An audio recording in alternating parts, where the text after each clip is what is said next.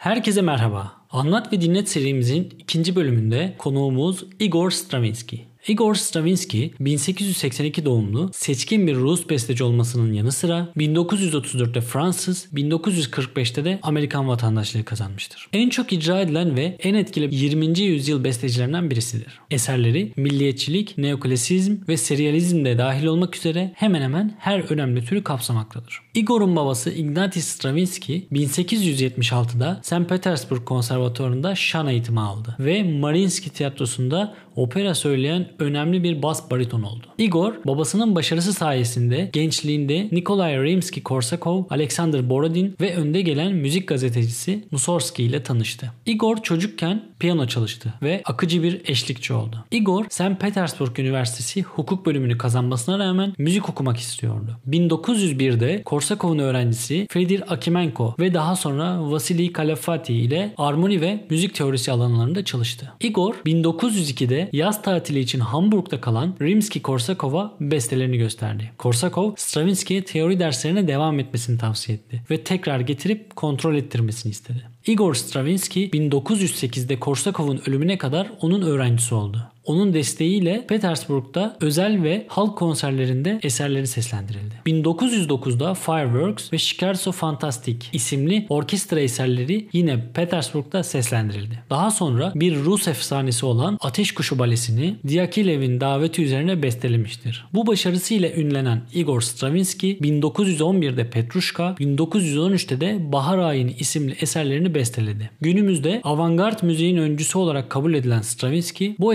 eserlerinin ilk seslendirişleri sırasında kaosa sebep olmuştur. Rus devriminden sonra malını mülkünü kaybeden Stravinsky 1917'de ucuz prodüksiyonlar sunmak için küçük bir tiyatro topluluğu kurdu. Topluluğu için Pulcinella ve düğün balelerini, Mavra operasını ve Askerin öyküsü eserlerini yazmıştır. 1920'de ailesiyle birlikte Fransa'ya taşınmıştır. 20. yüzyıl armonileri ve ritimleriyle 18. yüzyıl formlarına dayandırdığı eserlerini de Fransa'da bestelemiştir. 1939'da Amerika'ya taşınan Stravinsky 1945'te 3 bölümlü senfonisini 1947'de Orpheus balesini bestelemiştir. Daha sonra Stravinsky, Stravinsky'nin çalışmalarına hevesli olan ve barok müzik ve Schönberg 2. Viyana Okulu ile ilgilenen Amerikalı şef Robert Kraft ile tanıştı. Kraft'ın cesaretlendirmesiyle birlikte 1955'te Santicum Sacrum, 1958'de Treni ve 1959'da da piyano ve orkestra için Movements eserlerini bestelemiştir. 6 Nisan 1971'de yani 88 yaşında New York'ta ölen Stravinsky eşinin isteği üzerine Venedik'te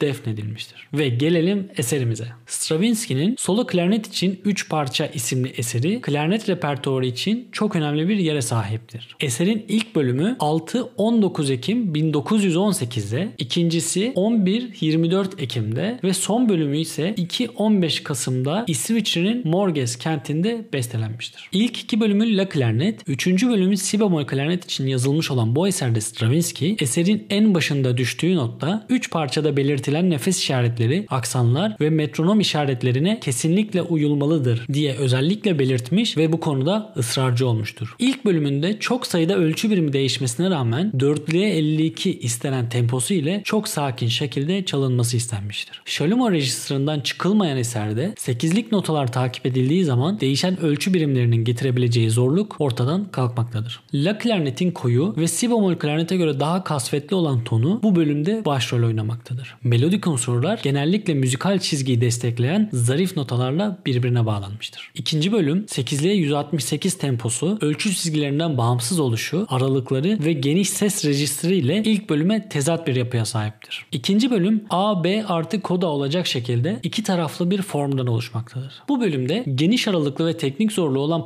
pasajların arasında kaybolmamak için 8'lik notaların izlenmesini tavsiye edebilirim. Ayrıca besteci bu bölümün başında 8'lik eşittir 8'lik, 16'lık eşittir 16'lık, 3 16'lık eşittir 8'lik diye özellikle belirtmiştir. Ve bu açıklama doğru ritmik performans için önemli bir husustur. Bölümün başında izlenen tematik çizgi bestecinin caza maruz kalmasından kaynaklanan doğaçlama izlerini göstermektedir. Üçüncü bölümde bizi 8'liğe 160 ve baştan sona forte olacağını söyleyen küçük bir not karşılamaktadır. Si bemol klarnetin parlak tonunun cömertçe kullanıldığı bu bölüm bölümün ses aralığı Clarion Register içerisindedir. Üçüncü bölümde aksanlar, artikülasyonlar ve tartımlar bence ana karakterin esas kahramanlarıdır. Çok fazla ölçü biriminin değiştiği bu bölümde 8'lik notaların takip edilmesi tavsiye edilmiştir. Stravinsky son ölçüdeki durak işareti hakkında seyircilerin eserin bittiğini düşündüklerinden emin olana dek uzatmamızı ve son anda küçük bir sürpriz yaparak bitiş notası ile herkesi şaşırtmamızı istemiştir. Stravinsky'nin solo klarnet için 3 parça isimli eseri 20. yüzyıldan itibaren solo klarnet için bestelenen en eski eserdir ve repertuarın en önemli ve en değerli eserlerinden biri olmaya, tazeliğini korumaya devam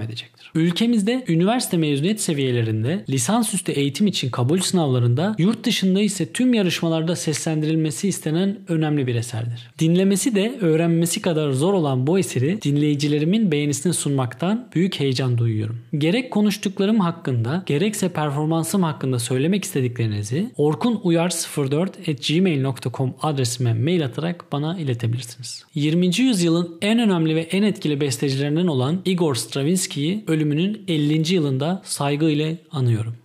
İyi dinletiler.